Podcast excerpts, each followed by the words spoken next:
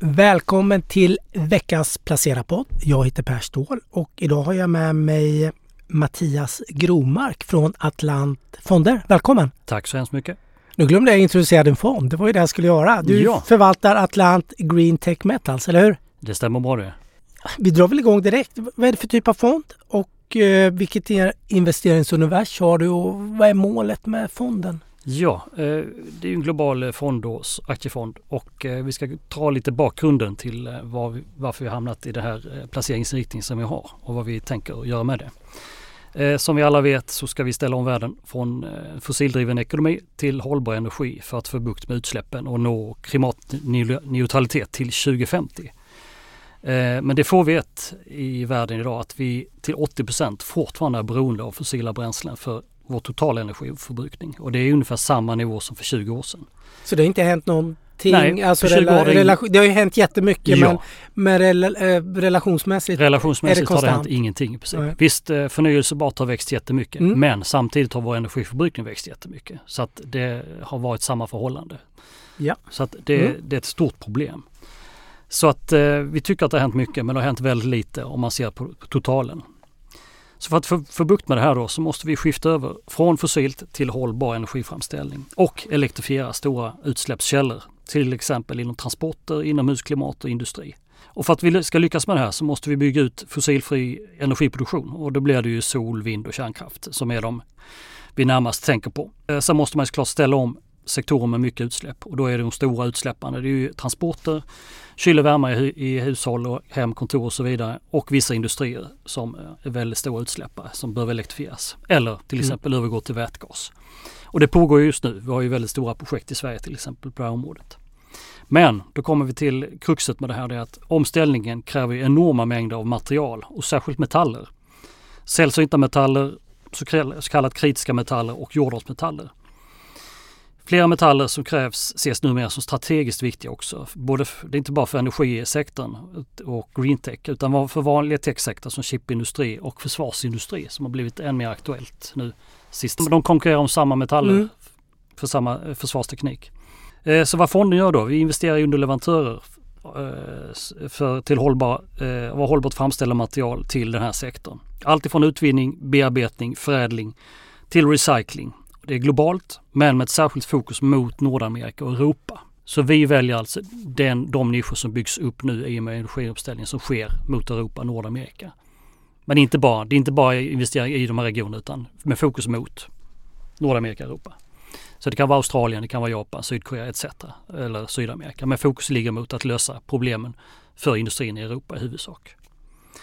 Och vi försöker då hitta bolag som är ledande i sin nisch, eh, har en unik teknik eller en unik tillgång med en hög utvecklingspotential. Och målet är såklart för fonden då, det är ju en hög värdeutveckling över tid. Eh, då st- stor del av sektorn kommer ju växa. Vi ser liksom ett decennium med hög tillväxt framför oss. Eh, men det här kommer inte vara någon spikrak utveckling som vi har sett sista halvåret. Eh, nu har vi ju haft en, eh, vi hade ju en förhoppning här om att Kina skulle ta lite fart och sätta fart på den här sektorn också som är väldigt råvarutung. Men det har ju varit en besvikelse och lite så att marknaden har ju lite fejdat här sista halvåret. Men det ska väl så småningom ta fart igen. Ja, och eh, om, om vi bara backar lite. Du har pratat om som jag tänker lite på nu. Det, det är ju jättestora megatrender verkligen. Du pratar om den här stora energiomställningen som världen är inne i nu som ska göras. Där vi ska bli betydligt mindre fossilberoende. eh. Och sen slås det lite det du pratar om att det är lite högre konkurrens om eh, de här kritiska mineraler och metaller. Det är ju bara det här, jag tänker på handelskriget mellan USA och Kina. Det är ju bara, nu kanske jag kommer bort med tiden, för, men det är, det är några månader sedan när eh, USA började begränsa exporten av eh, avancerade halvledare till Exakt. Kina för att de, eh, man skulle bromsa den kinesiska AI-utvecklingen då som Mm. man kan använda delvis in, inom försvarsindustrin då som man vill begränsa. Men då har Kina svarat med exportbegränsningar av vissa kritiska strategiska mineraler som man då behöver dels för att framställa halvledare som Absolut. kanske inte ska vara inom försvarsindustrin för att de behövs inom energiomställningen och eh, inom helt andra segment. Hur ser du på den här utvecklingen?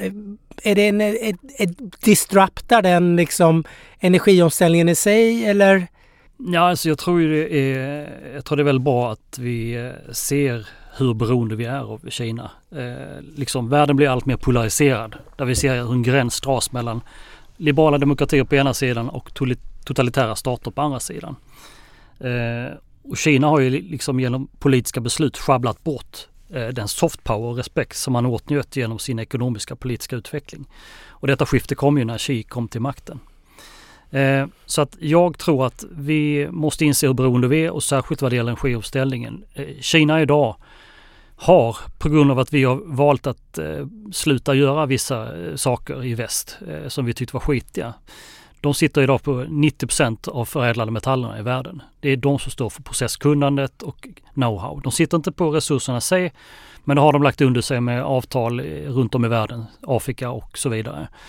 Eh, så att det är lång uppförsbacke för att göra sig fri från det beroendet. Men man måste ju börja någonstans och det finns eh, naturresurser runt om i världen och processkunnande och sånt. Det är självklart att vi kan göra det igen i väst och det kommer. Är, är det unik kunskap eller har det bara hamnat där för att det är hyggligt skitigt om man så ska säga det? Det har varit svagare miljölagar och ja. att det, det, är den, det är den biten som har varit en drivkraft att man har fått bort det från väst för att Absolut. Kina de står ju självklart för storskaligheten och, men också att man har sett mellan fingrarna med miljöproblematiken.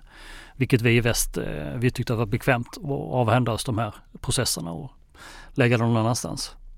Men jag, jag tror att eh, Kina, jag, jag, tror det är någonting vi måste ha stort fokus på vad det gäller dels både politiskt men också ekonomiskt och de här, vårt beroende av Kina. Att det är någonting vi kommer liksom få jobba med och eh, göra oss mindre beroende under lång tid.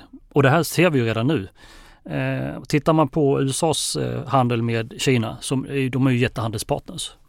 Eh, men till och med i maj i år så föll USAs import från Kina med 24 procent jämfört med året föregående år. Det är ett jättetapp. Och det är rätt mjuka siffror som kommer ut nu. Så att, eh, jag vet inte riktigt hur man ska se på det närmaste tiden. Jag tror inte på någon krasch i Kina men jag tror inte man ska förvänta sig att det är liksom den här tillväxtstoryn som vi har sett tidigare utan jag skulle gissa på ett Japan decline närmaste 40-50 mm. åren. Det kommer inte hända så mycket men det kommer inte vara så roligt heller. Och särskilt om man inte byter politisk inriktning utan om man behåller samma linje. Då är det en långsam marsch mot ett gigantiskt Nordkorea. En sak får man komma ihåg när det gäller övergången till hållbar energiomställning och elektrifiering så är det ju Kina att de är helt dominerande vad det gäller eh, metallerna vi behöver och material för solpaneler till exempel. Och det är ingen slump utan det här är en långsiktig strategi som ligger bakom den utvecklingen i takt med att vi i väst har struntat i att göra det här själva och produktionen har hamnat i Kina. Alternativt att vi konkurrerades ut av eh, volymprodukter från Kina. Som vi såg inom europeisk solcellsindustri till exempel från 10-15 år sedan. Men ja, det finns ett antal problem idag med det beroendet som vi liksom sitter fast i eh, och som vi kanske väljer att bortse från. För det första så tillverkas och utvinns en stor del av de kinesiska insatsvarorna för till exempel kiselsolceller som är vanligast och kritiska mineraler för batterier genom tvångsarbete i Xinjiang-provinsen. Och det är någonting vi i Europa i, lite har blundat för medan USA har tagit ett mycket hårdare grepp om den här frågan och inte accepterar produkter därifrån på samma sätt som vi gör. Eh, så mycket av det som produceras det används dels tvångsarbete och man säljer in det som ren, eh, ren energiteknik. Men i själva verket kanske de här fabrikerna förutom att använda tvångsarbete så körde man stor del kolkraft för att drifta det här. Så jag vet inte hur moraliskt eller hur bra det känns i magen att köpa solpaneler som är producerade med hjälp av tvångsarbete och eh, där det är kolkraft som har stått för energin i processen. Det blir lite bakvänt. Men jag, där står vi mycket idag. Jag har själv försökt gå in och kolla på en svensk solcellstillverkare. Var kommer era produkter ifrån? Hur går produktionen till? Det finns ingen information om det för de här stora leverantörerna. Eh, jag såg bara projekt nu och det har du säkert också läst. Det var Financial Times för några dagar sedan och då såg jag att man hade planer på att bygga i Australien i alla fall delar av de här processerna Absolut. för solpaneler. Men då har man räknat ut att det blir minst dubbelt så dyrt. Att tillverka dyr... kisel ja. ja. ja. att det blir minst dubbelt så dyrt som den kinesiska varianten idag. Men det är givet när du måste betala schyssta villkor till arbetarna och du måste ta hänsyn till miljön. Om du slipper den kostnaden i Kina, är det klart att det är billigare. Så att det måste man komma bort ifrån, att tycka att det är okej, okay, bara om det är billigare. Då kan vi blunda för det här. Det är lite så det har varit. Men det måste vi vända. Och vi måste betala för att liksom helt enkelt ta vårt ansvar. Så man får vara beredd. Ska det göras, tillverkas på ett annat sätt? Eller tillverkas i väst? Tillverkas på rätt sätt på och rätt med sätt. hänsyn till arbetare och eh, miljön. Då, får, då kommer det ju kosta. Så enkelt är det.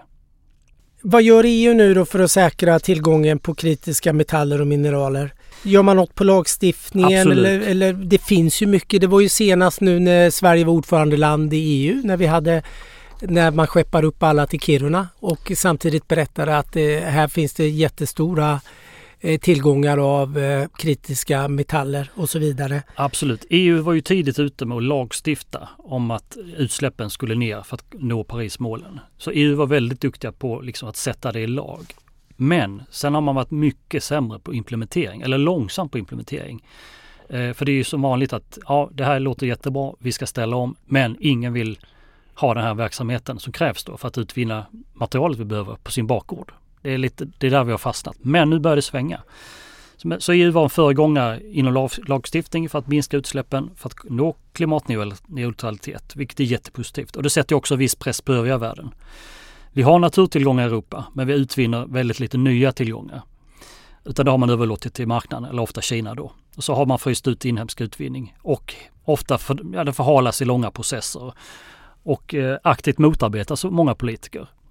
Vi har till exempel Bolidens eh, laver kopparfyndighet som man har velat utvinna och har hållit på med ansökningsprocess i, jag vet inte hur många, 10-15 år. Och fortfarande är liksom kört fast. Men nu, nu finns det ju en eh, förändring eh, i EU. Eh, framförallt så har man kommit överens om att alla måste dra sitt stå till stacken. Finns, har man resurser så kan det utvinnas på ett vettigt sätt. Ja, då måste man acceptera och tillåta det. Annars kan vi inte göra omställningen.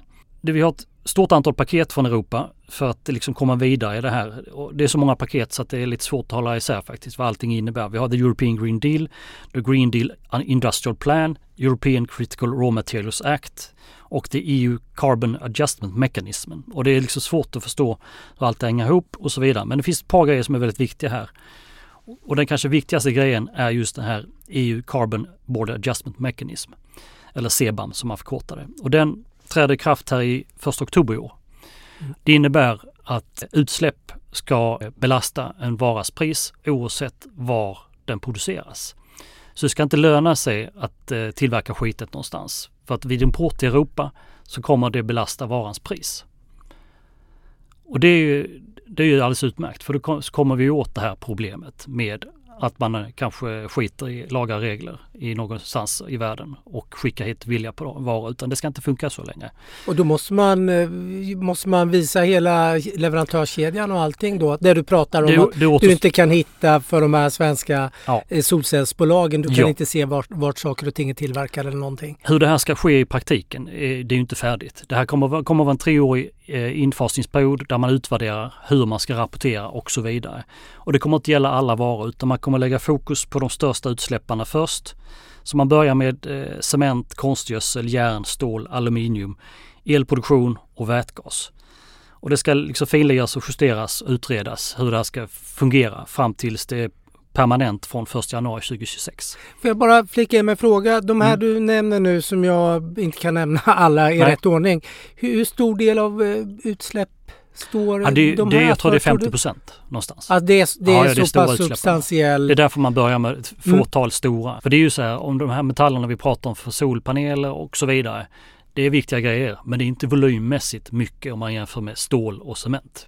Och petroleumprodukter i övrigt eller fossilt. Eh, det är väldigt lite volymmässigt men dock så viktigt. Så det här är ett bra steg. Sen kan man väl tycka att varför tog det så lång tid? Det här borde man fattat för länge sedan.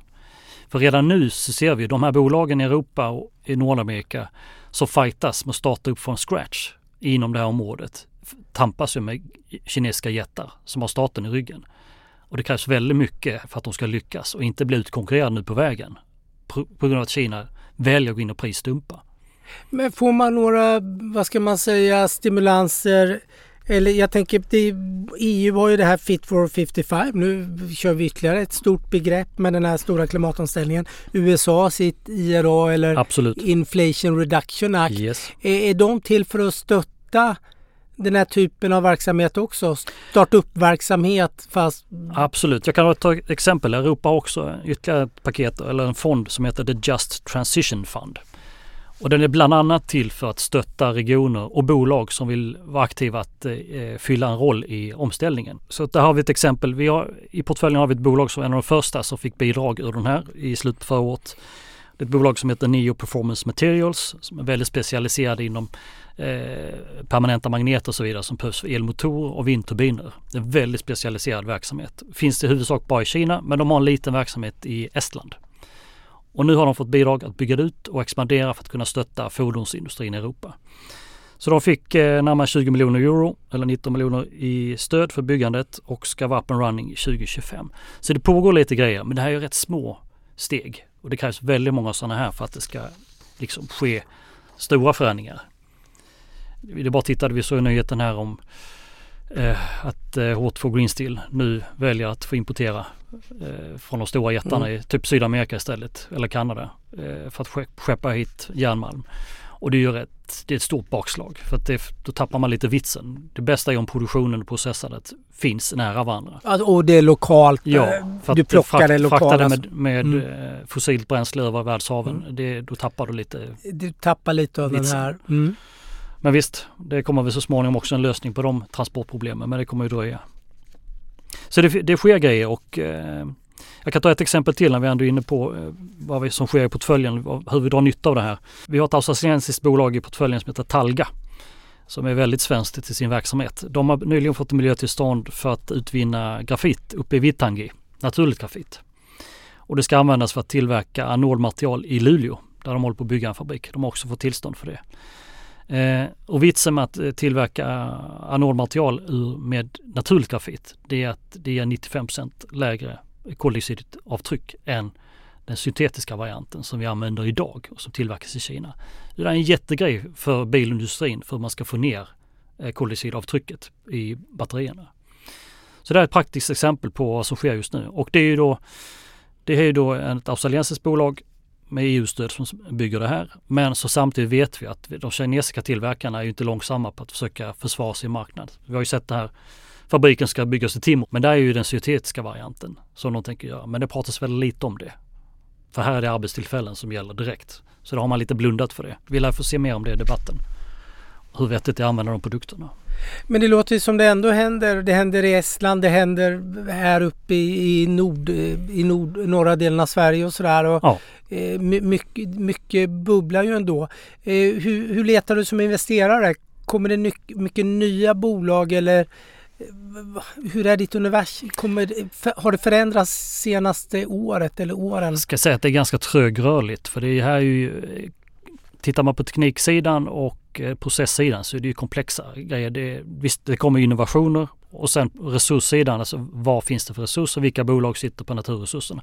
Det är ingenting som dyker upp heller eh, en gång i veckan direkt utan det är ju en trögrörlig materia. Men vi kan ju ta exemplet med LKAB som är ett gammalt gruvbolag som helt plötsligt stöter på en jättefyndighet av eh, jordartsmetaller som visar sig vara Europas största. Sånt händer ju men det händer ju väldigt sällan per Geijer-fyndigheten. Men det är ju det är 10-15 år bort om det ens de kommer sätta spaden i marken. Det tar ju så lång tid att få det på plats. Så att den här, hela den här sektorn, man vänder ju runt den väldigt långsamt. Så omställning kommer att ta lång tid. Men därmed så kommer det också en tillväxt under lång tid. Och det ger ju också det ger en bra grogrund för att priserna på eh, insatsråvarorna kommer att pressas upp under lång tid. Så att det har både en volymtillväxt men det har också med stora möjligheter till en bra pristillväxt på produkterna. Vilka produkter tror ni mest på eller metaller och så? hur ser fonden ut? Hur, hur, är, ni, hur är ni exponerade? Ja, man, man kan säga volymprodukter för, för batteri till exempel. Det är ju nickel. Det är ju mycket nickel som behövs av rätt kvalitet och rätt framställd. Man vill kanske inte ha nickel från, eh, ja, just nu är det väldigt mycket nickel som utvinns på i Indonesien och det har varit mycket problem med det kinesiska bolag. Man kör eh, slammet rätt ut i havet. Ja, det kanske inte är det bästa man behöver för att kunna få bra miljöstämpel på sin elbil. Men det finns bättre fyndigheter. Vi har till exempel nickelutvinning i Brasilien som håller på att byggas upp. Som har, det är vattenkraft och man har gjort processer miljömässigt eh, top notch från början. Eh, så det finns eh, bra sådana exempel. Sen är det ju koppar. Det går åt väldigt mycket koppar. Eh, ska du bygga mycket vindkraft till exempel, ja det är otroligt mycket nät som ska byggas. Så koppar är en viktig komponent. Det är ju volymprodukt och idag så Ja, kopparn kommer inte räcka till men det man ska komma ihåg med koppar är att det sker mycket eh, återvinning av koppar. Cirka en tredjedel av kopparn som används idag är återvunnen koppar. Så där finns det redan ett fungerande flöde på sekundär marknad. Så man brukar säga att eh, ja, återvinning i koppar är en av de största fyndigheterna. Men det behövs också nya fyndigheter. Men såklart. går det att göra det effektivare? För jag slås lite, jag, jag läste lite om solpaneler just för där använder man ju silver exempelvis som en av insatsvarorna. Och det såg jag bara nu att där har man minskat silverberoendet i solpanelerna med 25 procent eller någonting. Jag såg någon siffra. Det var en ganska substantiell siffra. Ja. Hur, hur, man då har lyckats eh, bli lite effektivare och man behöver inte ha lika mycket silver som man behövde kanske för 15 år sedan vid, vid tillverkningen. Tror du att vi kommer få se den typen av effektiviseringar också bland eh, de här metallerna? Att det går att använda lite mindre koppar i, i någon, någon ledning eller någonting för man kommer på andra typer av någon annan typ av utveckling. För Just koppar tror jag är svårt att ersätta. Mm. Eh, det är ju trots allt överföringen behöver ske på bästa sätt. Eh, man har väl pratat en del om aluminium och liknande men jag tror koppar trots allt är det som man behöver. Sen det som sker är väl som du säger sammansättningar i kemiska egenskaperna blandningarna för till exempel solpaneler eller batterier. Det förändras ju. Man pratar om solid state batteri, att man kommer ändra behovet av kobolt till exempel, tror man är på väg ut just nu. Och det är för att det har, dels har man velat bli av med det för att det har varit så mycket Kongo, barnarbete mm. förknippat med det. Så det hoppas man, man ska kunna komma ur. Men exemplet solpaneler är ju ett bra exempel på något som är väldigt svårt att återvinna. För det första går det åt väldigt mycket energi, det är väldigt mycket glas och så vidare. Så det är svårt att återvinna solpaneler på ett vettigt sätt. Jag har inte sett än så länge där det finns något miljömässigt bra sätt att eh, återvinna. Vi har haft samma problem med vingar på vindkraftverk. Det har också varit svårt att återvinna. Så det som är förnyelsebart det betyder ju nödvändigtvis inte att det är lätt att återvinna eller att återvinna igen. Eller använda igen. Det, det får man lite tänka på. Eh, framförallt så är det ju, man vill inte göra med mer energi när man återvinner någonting. Kanske ja, liksom den nytta man har fått. Det, eh, så det är mycket att ha koll på det. Har ni, vad har ni gjort i, vad har du gjort i fonden nu senaste året? Har du gjort, det låter ju som den är lite trögrörlig, att det händer inte jättemycket. Eller hur gör du eh, spelet? Hur... Eh? Vi har lagt mer fokus på stora bolag som, är, som genererar kassaflöden för att eh, komma väl ur den här perioden med hög inflation. Eh, bolagen som varit mer i projekteringsstadiet eh, kanske bygga upp eh, ny fabrik för någon ny processanläggning och så vidare. De har ju drabbats av högre kostnader så att det har ju varit uppförsbacke och eh, mindre bolag har ju fått mer stryk i det här skedet därför att kostnaderna har dragit iväg. Och eh, man kanske får försöka ny finansiering på sämre nivå. Men bolagen som är up and running levererar. Dels verkstadsbolagen som levererar till sektorn har klarat sig väldigt bra, har väldigt bra orderböcker vi tittar på Epiroc och liknande. Sådana står sig väldigt bra i den här eh, fasen. Men också generellt sett så har vi, ligger vi tyngre i kärnenergirelaterade bolag där vi har en portfölj på 5-6 bolag. Det är väldigt stort uppsving för kärnenergi just nu. Hur, hur ser de stora innehaven ut om vi bara tittar på topp eh, 3, topp 5 där? Vad, hur, hur tänker du och hur har du investerat? Där har vi, i topp har vi Cameco Corporation som inte är något nytt bolag för eh, aktiva småsparare utan det är ett bolag som varit eh, populärt länge. Men eh, kärnenergi har ju varit på dekis eh, sedan Fukushima 2011.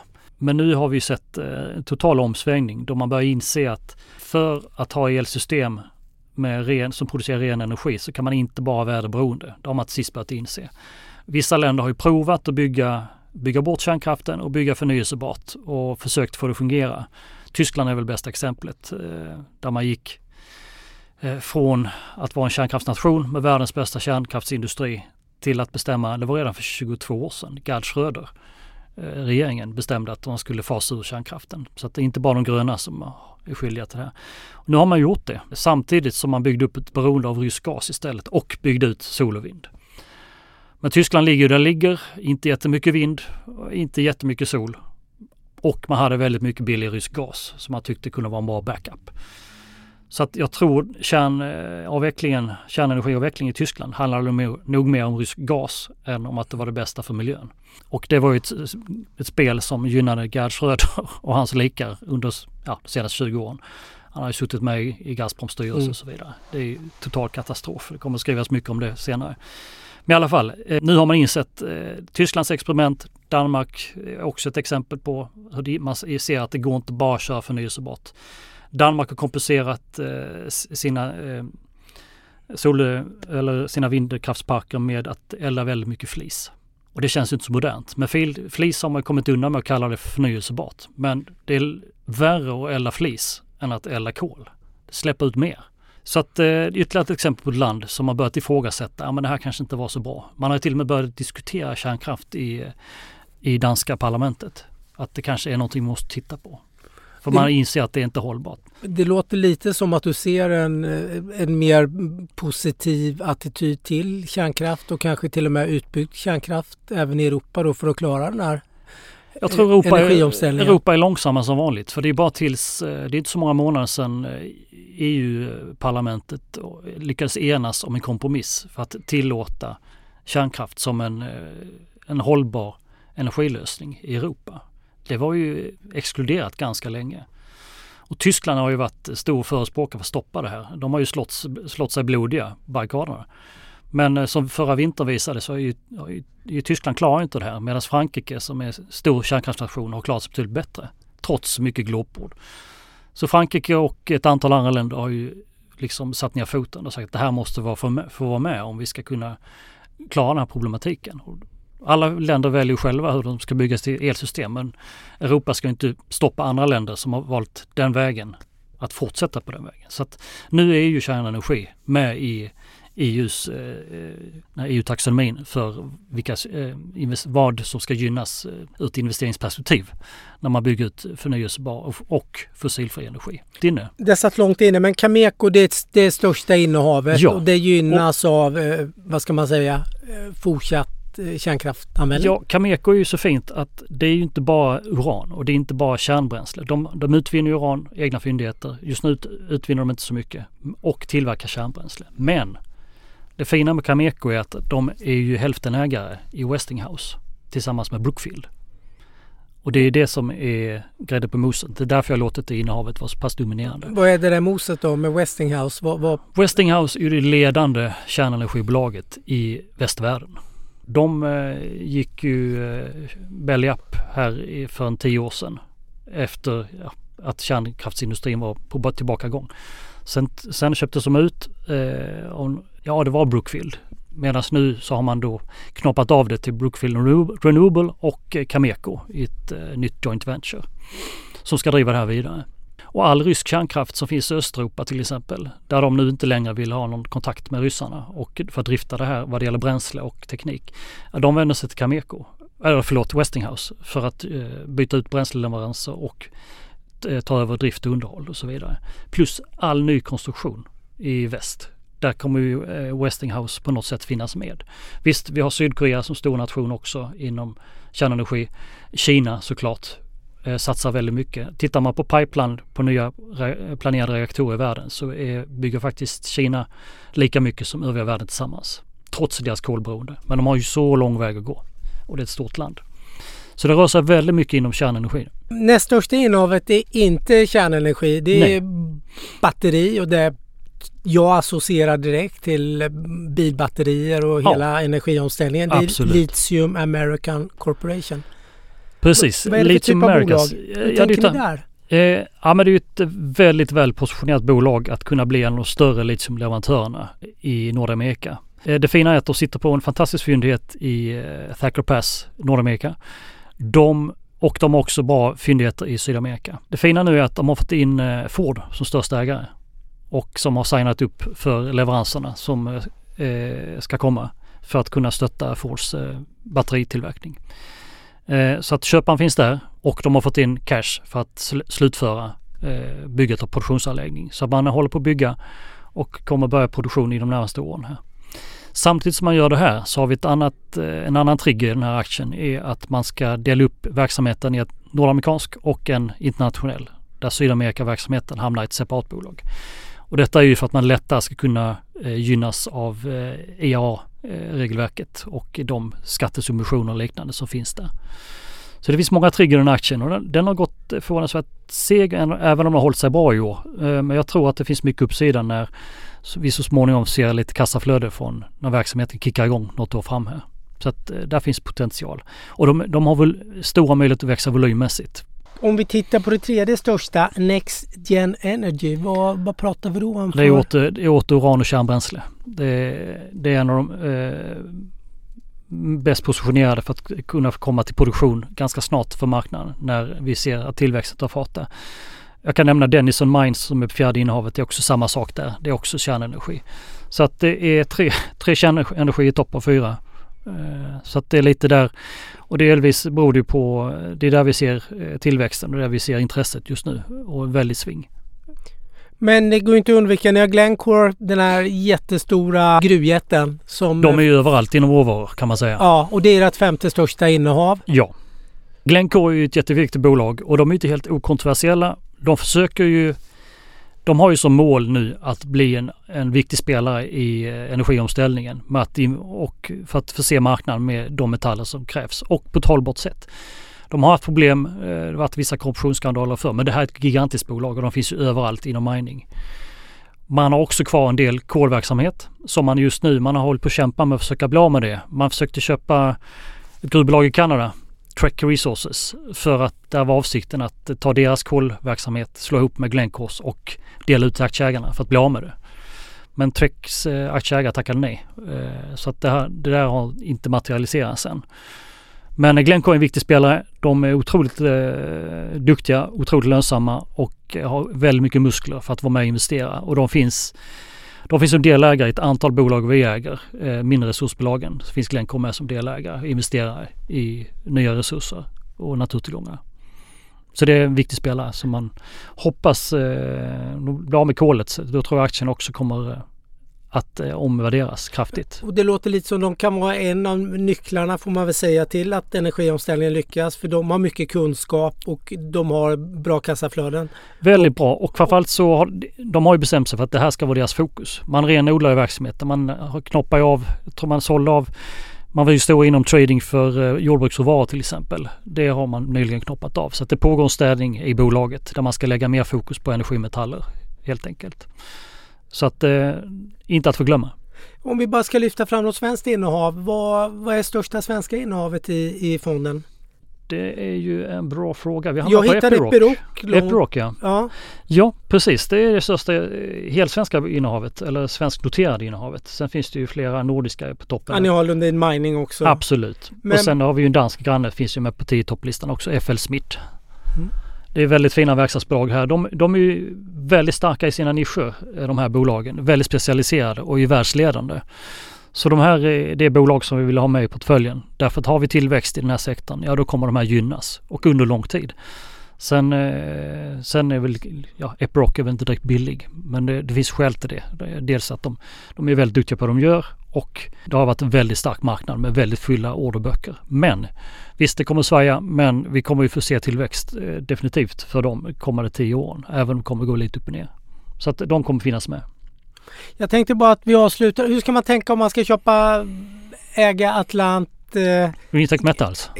Greentech Metals, tack. Hur, som fondägare, den, det är lite tematiskt. Ja, det är väldigt tematiskt. Ifrån, men det är globalt trots allt. Den är tematisk men global men den kan, den kan svänga en del. Det går ja, inte att komma ifrån. Så, så är det. blir en viss tematik i Absolut. det hela. Men nu ska man tänka hur långsiktigt ska man vara och... Eh, ja men det här är ju tio års eh, case. Ska jag se det som. Månadsspara är ju toppen månadsspara, ja. tio år, lägga den i, i eh, vad säger man, byrålådan? Byrålådan. Men visst, är man en aktiv investerare, fine, köp dipparna kan man också göra. För det är som sagt marknadssvänger, så är det. Eh, och det är mycket relaterat till när eh, råvaror generellt får sig en smäll eller det är Kina-oro och så vidare. Ja men då handlas ju sånt här ner också i viss mån. Så att då är det bara att passa på. Ja, då, för då tittar man inte så mycket på de här långsiktiga Nej. strukturella trenderna som finns underliggande. Att, eh, allt som ska göras och alla stora projekt som ja. ligger. Utan då handlar man det som en vanlig vi är råvara. Ju, vi är ju där just nu där Kina har varit en besvikelse. Bygg, eh, byggandet i Kina är en besvikelse. Det har liksom påverkat kopparpris och så vidare. Så att sånt spiller över. Så att vi är inne i en sån svaghetsperiod nu där Kina-tillväxten har ju varit en besvikelse. Och det, har ju, det är det som har dragit ner till exempel. Men tittar man sen på elbilsförsäljningen globalt, ja men det, det fortsätter ju ticka upp. Det har ju varit snarare resursbrist eh, och komponentbrist som har hållit igen. Så tillväxten finns där i bakgrunden. Sen har det ju varit en till, tillfällig svacka som har påverkat av andra skäl. Men tillväxten vad det gäller elbilar och liksom ny fossilfri eh, elproduktion, det, det är ju intakt. Och den, sen, är, och den är här för att stanna och den är här för att ja, växa. Precis och sen som sagt vår tilt i portföljen är ju då inte, det är inte bara vindkraft till exempel. Det är inte bara solkraft utan vi är väldigt diversifierade och vi lägger tyngdpunkten där vi ser mest värdetillväxt och det där ser man ju i portföljen att vi tror mycket på kärnenergi och vi tror mycket på batterier till exempel. Tack för det. Det blev en bra avslutning. Tack för att du kom Mattias. Tack så hemskt mycket. Jättekul att vara här igen.